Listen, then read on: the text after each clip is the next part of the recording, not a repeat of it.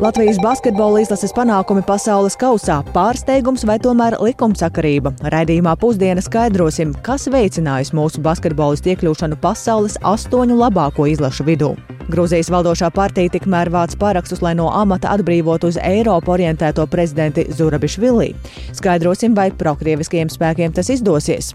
Un skolēni atgriezušies skolas solā, bet vai līdz ar viņiem atgriezušies arī sastrēgumi galvaspilsētā? No šeit nezinu, kas tev uz priekšu būs, bet nu, tā eksporta iela nu, jau visu vasaru tiek remontēta un diez kas jau nav. Šodien nebija nekādi īpaši nekas mantinieks, kā vienmēr sastrēdzis. Arī par to tūdaļ redzījumā pusdiena.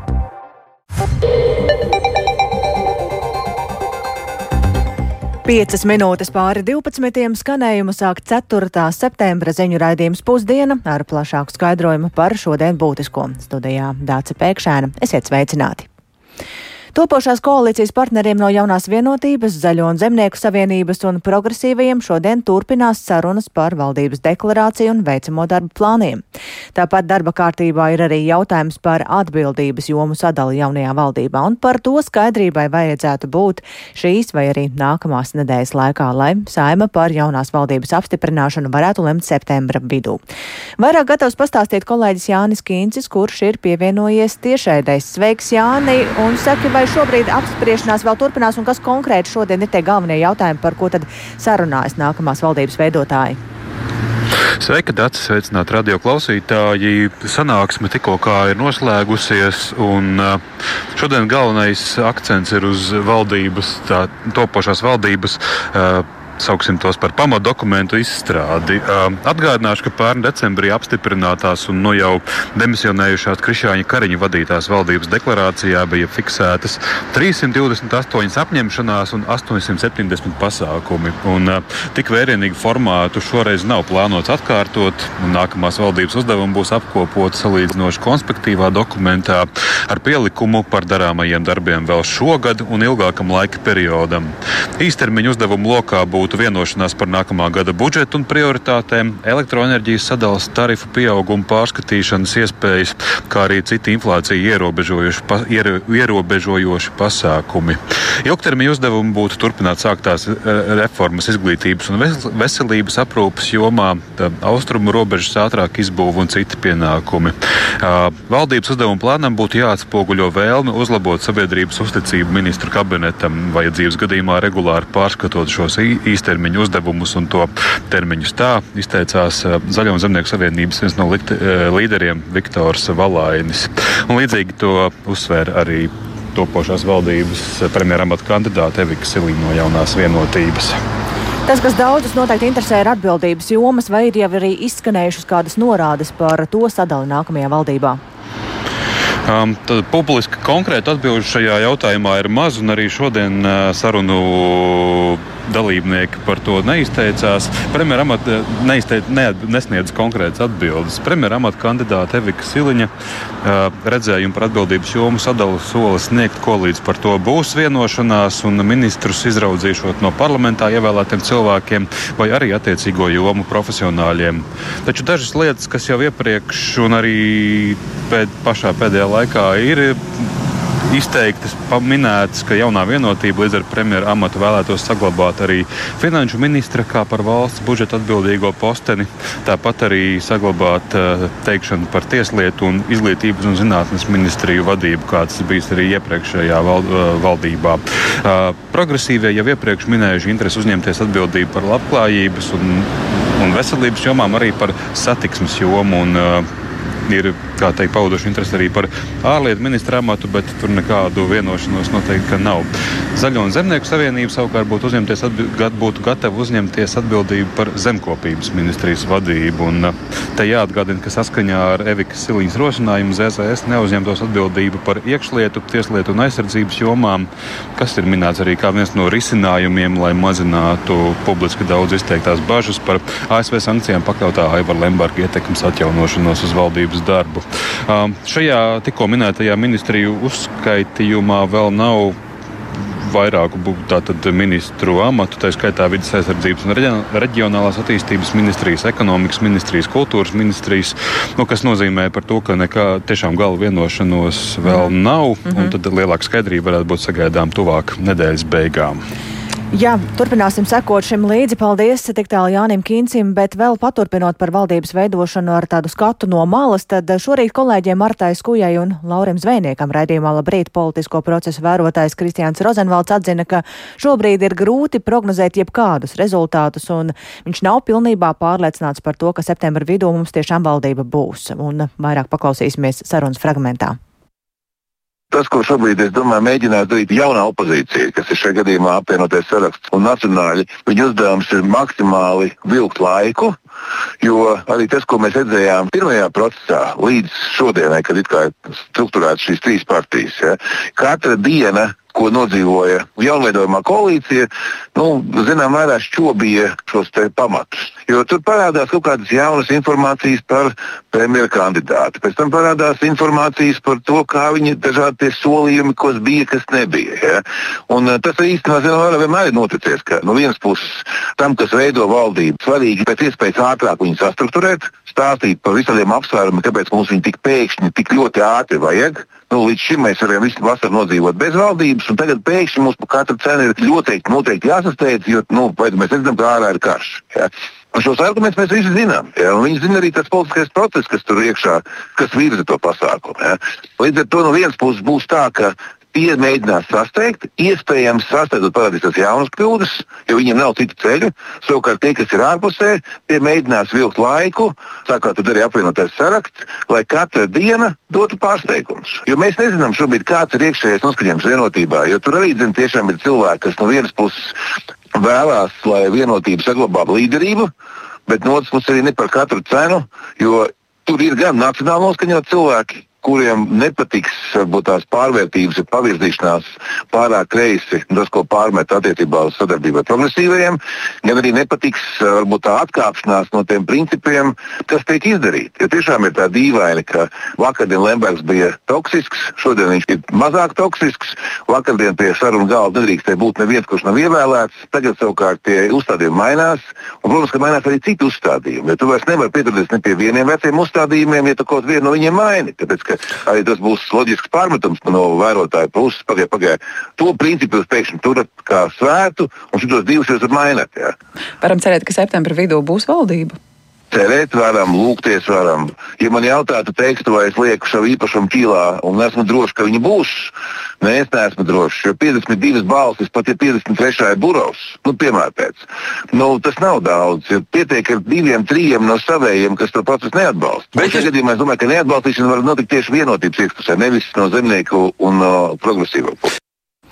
Tā politisko procesu vērotājs Kristiāns Rozenvalds par jaunās valdības veidošanas procesu. Bet viens no jautājumiem, kas šai koalīcijai ir palicis līdz galam nesakārtots, ir termiņu uzturēšanās atļaujas, un līdz ar koalīcijas maiņu tad arī potenciāli ir gaidāms izmaiņas komisiju darbā, kas var nozīmēt, ka valdības aiz slēgtām durvīm augustā pieņemtajam lēmumam par grozījumiem imigrācijas likumā ceļš saimā nebūs viegls.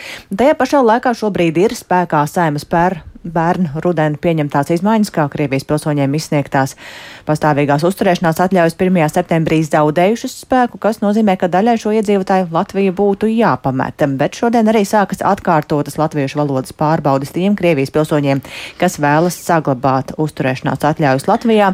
Un vairāk par šo tēmu ir gatava stāstīt uh, kolēģi Paula Dēvids, kura pievienojas šodien studijā. Sveika, Paula! Un saka, kas par šo procesu vispār šobrīd tālāko ir zināms saistībā ar pastāvību? Pastāvīgajām uzturēšanās atļaujām Krievijas pilsoņiem. Sveika, Dārce! Labdien, arī Latvijas radio klausītāji! Un sākumā es atgādināšu, ka tātad šo prasību par obligātu valsts eksāmenu nokārtošanu pieņēma pēnu rudenī, un tad kopš aprīļa bija iespēja kārtot šo latviešu valodas pārbaudi arī vairākas reizes, ja kādam šis rezultāts bija neveiksmīgs. Un tātad šāda pārbauda jākārto bija vairāk nekā 25 tūkstošiem cilvēku, kuriem tad šīs ne, nepieciešams šīs te pastāvīgās uzturēšanās atļaujas. Bet uh, arī pē, visus pē, pē, pēdējos mēnešus ir bijis tāda rosība par to, kas tad, uh, kas notiek ar daļu šiem cilvēkiem, jo pieteikušies šai valodas pārbaudēji bija aptuveni puse līdz šim. Un uh, tā kā nebija skaidrības, uh, cik daudz tad uh, tiešām šo prasību būs spējīgi izpildīt šajā laikā, tad valdība augusta lē, beigās lēma tomēr grozīt šo imigrācijas likumu un paredzēt, ka šiem Krievijas pilsoņiem uh, būs vēl divi gadi, kad uh, būs iespēja saņemt termiņu uzturēšanās atļauju un šo te valodas prasību nokārtot. Uh, bet šobrīd ir uh, gala lēmums, būs jāpieņem saimai, un uh, iespējams jau rīt steidzamības kārtā to skatīs aizsardzības komisijā. Tā ziņa raidījumā labrīt skaidroja komisijas priekšsēdētājs Raimunds Bergmanis.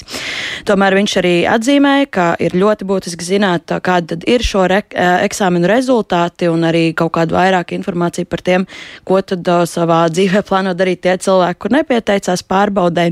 Jo principā ir tā, ka šobrīd, kad šīs te pastāv pastāvīgās uzturēšanās atļaujas ir beigušās. Šiem cilvēkiem tiek ierobežot arī dažādi sociālai pakalpojumi, veselības aprūpe. Paklausīsimies, ko tad uh, Bergmans stāstīja. Ne tikai tur būs, tas neatiecās tik daudz uz eksāmeniem kopumā, dažne dažādas lietas, jo tur ir cilvēki, kas dzīvo ārpus, kas, kā jau minēju, ir citi jau ir izvēlējušies saulēcīgi, jo ir tāda tiesības cilvēkiem pāriet uz termiņu uzturēšanās atļaujām, kas nemaz nav tik vienkārši. Tas pietiekoši sarežģīti ir un daudz lietas. Es domāju, ka arī apspriešanā, es, es domāju, ka rītā arī būs šī sēde komisijā, kur būs daudz priekšlikumu un kā, kā, kā risināt šos jautājumus. Vai tas nozīmē, ka šobrīd tas kaut kas konkrēts ir zināms par šo procesu tālāko? Pagaidām diezgan daudz neskaidrību, bet tātad šobrīd ir eh, izsludināts atkārtotās valodas pārbaudas, kas turpināsies līdz 30. Eh, novembrim. Un eh, saimai tātad būtu jāpieņem tuvākajā laikā šis gala lēmums, lai būtu skaidrība gan sabiedrībai, gan šiem Krievijas pilsoņiem, ko tad viņiem darīt. Un tā tad, jā, šīs te pastāvīgās, šīs te uzturēšanās atļaujas tad pagarinās vēl uz diviem gadiem. Un vēl ir informācija par to, ka uz pagājušo pirmdienu tātad pieteikušies bija vairāk nekā 13 tūkstoši šīm valodas pārbaudēm, un to nav nokārtošana atkārtotai pārbaudē pieteikušies aptuveni 6 tūkstoši šo te Krievijas pilsoņu, kas tad dod tiesības uzturēties šeit arī līdz gada beigām. Un, Vairāk nekā 800 cilvēki ir pieteikušies termiņu uzturēšanās atļaujām. Un, uh, turpinājumā dzirdēsim, ko šorīt Latvijas televīzijas ziņu raidījumā Rīta panorāma sacīja pilsonības un migrācijas lietu pārvaldes priekšsēdētāja Māira Roze. Ir tādi, kuri saprot, ka viņiem varbūt arī valoda ir, bet uh, citi apstākļi nedod tiesības uh, saņemt šo pastāvīgās uzturēšanās atļauju. Un nu, tos uh, gala rezultātus, domāju, ka mēs redzēsim pirmkārt jau, cik pilnīgi nevēlās neko darīt pēc tām 90 dienām, kad uh, vēl būs šīs 90 dienas, kad cilvēki vēl mēģinās kaut kādā veidā vai nu sapratīs, ka ir arī citi iemesli, kad saņem past, termiņu uzturēšanās atļauju vai, vai nevajag vajadzētu izceļot. Jā, tā tad zināms arī, ka jau rītdien valsts izglītības satura centrs informēs vairāk tātad par šo valožu pā, valodas pārbaužu rezultātiem, un tad arī mēs ziņosim turpmāk šeit Latvijas radio. Paldies Paulai Devicai, gaidīsim arī tātad rītdienas paziņojumu par to, kādi tad ir bijuši līdšanēja rezultāti. Bet par notikumiem citviet pasaulē. Gruzijā ir pieaudzis saspīlējums starp valdošo partiju Gruzijas sapnis un valsts prezidenti Salomi Zurabišvili. Un Gruzijas sapnis vadība ir paziņojusi, ka parlamentā sāks parakstu vākšanu, lai ierosinātu impeachmenta jeb atlaišanas procedūru pret prezidenti. Partija savu rīcību pamato ar prezidentes nesenajiem ārvalstu braucieniem, kuru mērķis bija veicināt Eiropas Savienības kandidātu valsts statusa piešķiršanu Gruzijai. Vairāk par to Uldis Česberis.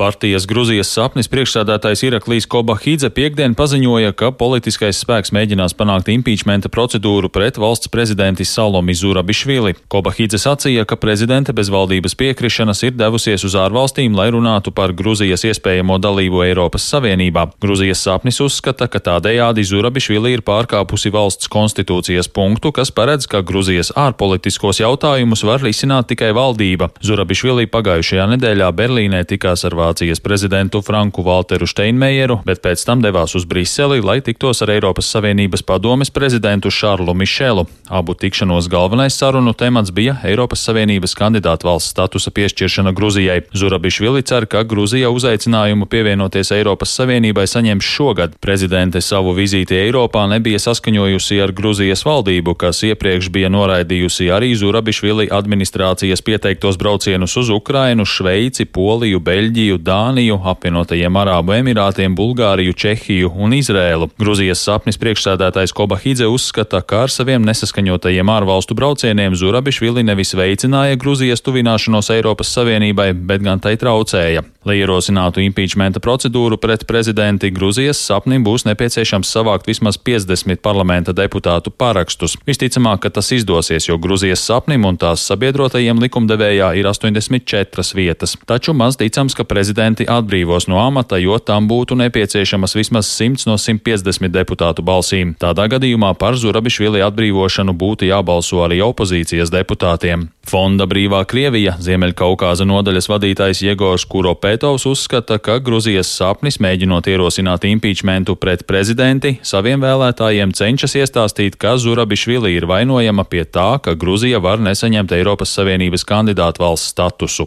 Вместо того, чтобы исправлять свои ошибки, выполнять требования Евросоюза. Tā vietā, lai labotu savas kļūdas, izpildītu Eiropas Savienības prasības, īstenotu reformas, atgrieztos uz daudz maz demokrātiskas attīstības ceļa, izbeigtu partnerattiecības ar Krieviju laikā, kad tā īsteno pilnā apmēra karu Ukrainā un okupē daļu Gruzijas teritorijas, vara meklē nekaunīgus veidus, kā pārliecināt savus vēlētājus, ka prezidenta un opozīcija ir vainīgi pie Gruzijas neuzmanības neuzņemšanas Eiropas Savienībā, nevis tie, kuri pie tā tiešām ir vainojami. Я не знаю, все вообще, кроме, собственно, тех, кто в этом виноват. Jau ilgstoši starp Gruzijas sapni un Zurabišvili pastāv nopietnas nesaskaņas, jo valdošā partija arī pēc Krievijas pilna apmēra iebrukuma Ukrainā vēlas veidot ciešas ekonomiskās attiecības ar Maskavu. Turpretī Zurabišvili nosoda Krievijas agresiju un atbalsta valsts eiro integrācijas kursu. Uldis Česberis, Latvijas radio.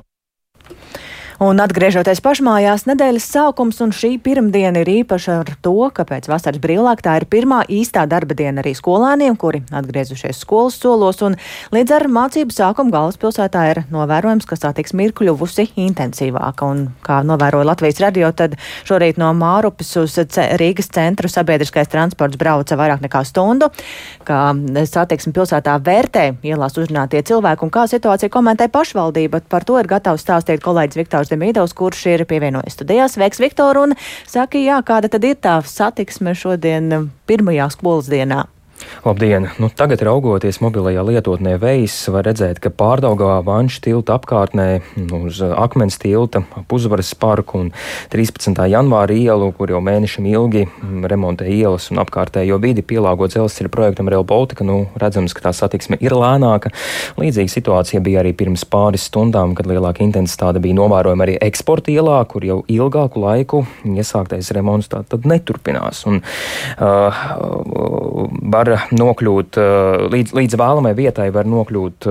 Mm, Varbūt arī tie sarežģījumi nokļūt līdz vēlamai vietai, un uh, grūti pateikt, vai ir lielāki sastrēgumi, nu, piemēram, pēc šī rīta Latvijas radio novērojumiem ar sabiedrisko transportu no Mārupes līdz centram nācās braukt vairāk nekā stundu, uh, lai gan pēc grafika centrā jābūt jau aptuveni pusstundas laikā pilsētas uh, centrā, bet kāpēc saku grūti pateikt, tad lūdzu paklausīsimies uh, ielās uh, uzrunātos cilvēkus, kā viņi vērtē.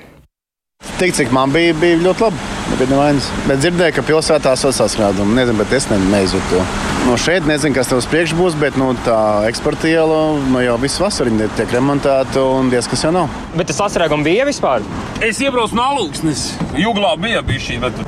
Remonti kaut kādi, kas traucēja vai kas? Netraucēja nekas. Nu, pusdienās ir grūtāk pārvietoties un vakarā, protams, bet tā visā citādi Man liekas, viss fajn. Šodien nebija nekāda īpaša, nekas mantinieks, kā vienmēr sastrēdzis. Man arī īpaši pretenziju nav. Galvenā problēma - daudz cilvēku, bet tas ir saistīts ar to, ka sākušās mācības. Citādi nekādu problēmu nav. Jā, no kuras puses braucāt? No teikas. Ceļu remonta? No nu, tur nebija. Tur, kur ir, tur ir traki. Kurās vietās traki tad ir? Nu, pie apstācija visapkārt, kur tur nevar saprast, tur ir ceļa zīmes saliktas. Tādā veidā, ka ceļa zīmes norāda vienu vakaru vakarā brauca, tur ir pavisam cita braukšana pa joslām. Tā josla, kur norādīt, ka var braukt, vienkārši cietas zīmes atstātas vecās. Un... Jā, es saklausīju to, ka laikam iedzīvotāji jau ir pieraduši pie remontdarbiem un līdz ar to arī sastrēgumiem.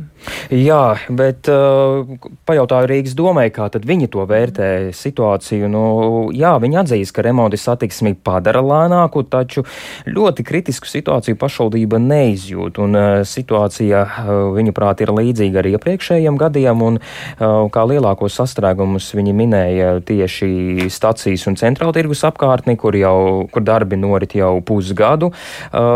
Jā, jaunums ir tāds, ka nu, tas termiņš sākotnēji bija 15. septembris, ka pabeigs šos vērienīgos darbus, bet šorīt ārtelpas mobilitātes departamentā, tad bijušais satiksmes departaments, šajā iestādē teica, ka darbi ir iekavējušies un tos pabeigs oktobra beigās, un problēmas ir atklātas tieši pazemē.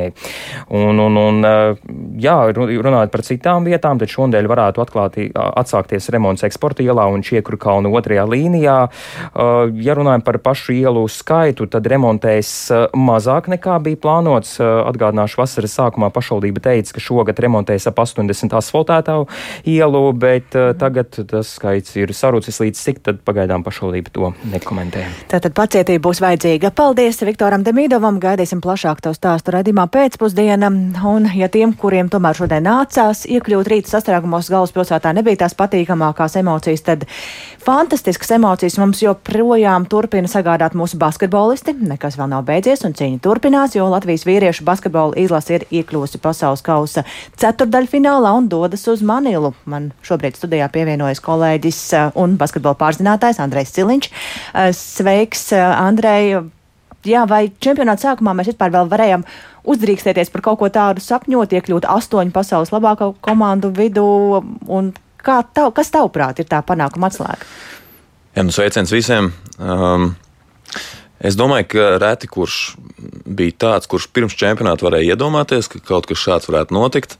Es tā skaitā nebiju starp tiem. Man tika vaicāts viedoklis, tāpat kā citiem basketbolam tūs stāvošiem cilvēkiem, un, un rēti kurš bija tas, kurš, ja nestrādāja basketbola savienībā, tad, tad, tad tā objektīvi raugoties redzēja mūsu tajā astotniekā. Nu, tas, protams, bija arī visu apstākļu dēļ, jo mums tomēr no sastāvā izkrita Kristaps Porziņģis, un tāpat nevar spēlēt Jānis Strelnieks, Rihards Lomašs, citi spēlētāji, kuri varbūt šajā reizē veselības problēmu vai fiziskās nesagatavotības dēļ, jāteic tā. E, nevar palīdzēt. Nu, līdz ar to tas, tās gaidas nebija tik augstas, kā, kā, kā beigās ir sanācis. Tāpēc par katru šo lielo panākumu ir, ir tāds neizsakāms, neaprakstāms un, un patiesībā ne līdz galam izskaidrojams uh, prieks. Uh, jo ir grūti aptvert mums pašiem, kur nu vēl kādiem no ārpuses par uh, to, kas ir noticis un kā Latvija īsti līdz tam ir, ir spējusi tikt. Es domāju, ka, ka šeit ir vairāki faktori. Nu, viens, protams, ir tas, ka mums ir sadzimusi talantīgu spēlētāju paudze no 89. līdz 2000. gadam. Dzimušie spēlētāji pārsvarā ir tie, kas pārstāv šo izlasi. Un, un tās ir paudzes, kuras arī jauniešu čempionātos Eiropā izcīnīja medaļas. Uh, Līdz zeltam tā arī neviens netika, bet mums ir sudrabi, un tā skaitā gal galā arī sudraba zēns, par ko arī Latvijas radio ziņu dienas podkāsts ir pieejams un klausāms. Un Andrēs Gražuls ir no, šī, no šiem, šiem sudraba zēniem. Nu, un, protams, daudz runāts arī par treneri, par galveno treneru, itāliešu speciālistu Luku Banki. Tas treneru faktors tiek saukts jau nu, tādā, tādā basketbola lirikā jau bankija efekts. Um, Kas arī rada droši vien arī to gaisotni papildus vēl. Jā, nu, viņam, protams, ir tā labā lieta. Viņš, viņš iepriekš ar Latvijas basketbolu nebija pazīstams. Viņš to ir pats arī teicis atklāti, ka pirms viņam piedāvāja šo darbu, viņš zināja tikai kaut kādas tur pamatlietas. Un tad, kad viņam piedāvāja iespēju trenēt Latvijas izlasi, tad arī viņš sāka iepazīties un mācīties par Latviju, arī tās vēsturi, bet, nu, protams, galvenokārt par basketbolu. Un, un viņam nebija šo stereotipu, kas varbūt ir latviešu treneriem, uh, un tāds svaigs skats no malas, kombinācijā arī ar latviešu jauniem speciālistiem, kas viņam ir asistenti, ir, ir nostrādājis. Uh, nostrādājis ļoti labi. Viņš ir lauzis tos stereotipus par Latvijas basketbolu, kā uh, nu, komandām, kas spēj uzvarēt tikai tad, ja prot trapīt tālmetienus. Jo mēs šobrīd savu spēli veidojam caur aizsardzību. Katrā ziņā esam tur, kur esam, un esam ļoti labi. Esam astotniekā trešdien svarīga spēle pret Vāciju, ko mums tā nozīmē. Un zinām, protams, ka Vācija ir ļoti spēcīgs pretinieks. Um, laikam nav neviena jā, zaudējuma arī šajā, šajā kausā. Vācija ir, nu, ir nezvērs, tā teikt. Mm. Tad, kad Latvija iekļuva vakar ceturtajā finālā, vēl nebija zināms, pret ko mēs spēlēsim Sloveniju vai Vāciju. Man personīgi šķiet, ka Slovenija varbūt būtu pateicīgāks pretinieks, bet Vācija ir pagājušā gada Eiropas čempionāta bronzas medaļniece pusfinālā zaudējot nākamajai čempionai Spānijai. Latvija, protams, ir uzvarējusi Spāniju šajā čempionātā, bet nu, pagājušā gada Spānija bija nedaudz, es gribētu teikt, spēcīgāka. Nu, līdz ar to es domāju, ka mūs sagaida ļoti, ļoti saspringta cīņa. Vācieši ir lieli, uh, ar lieliem izmēriem, dažās, uh, visās pozīcijās arī ārējie spēlētāji ir tiešām ar lieliem ķermeņiem apeltīti spēlētāji. Nu, katrā ziņā mūsu atbalsts arī turot iekšus noteikti būs vēl nepieciešams. Paldies Andrejam Siliņam, un ar to arī šobrīd izskan raidījums pusdiena, ko producēja Kārlis Dagilis, ierakstus montēja Kaspars Groskops par labskaņu rūpējās Īveta Zvēniece un ar jums sarunājās Dāca Pēkšēna. Latvijas radio Raidījums pusdiena arī sev ērtā laikā Latvijas radio mobilajā lietotnē, tāpat arī klausieties mūsu LSM LV. Yeah.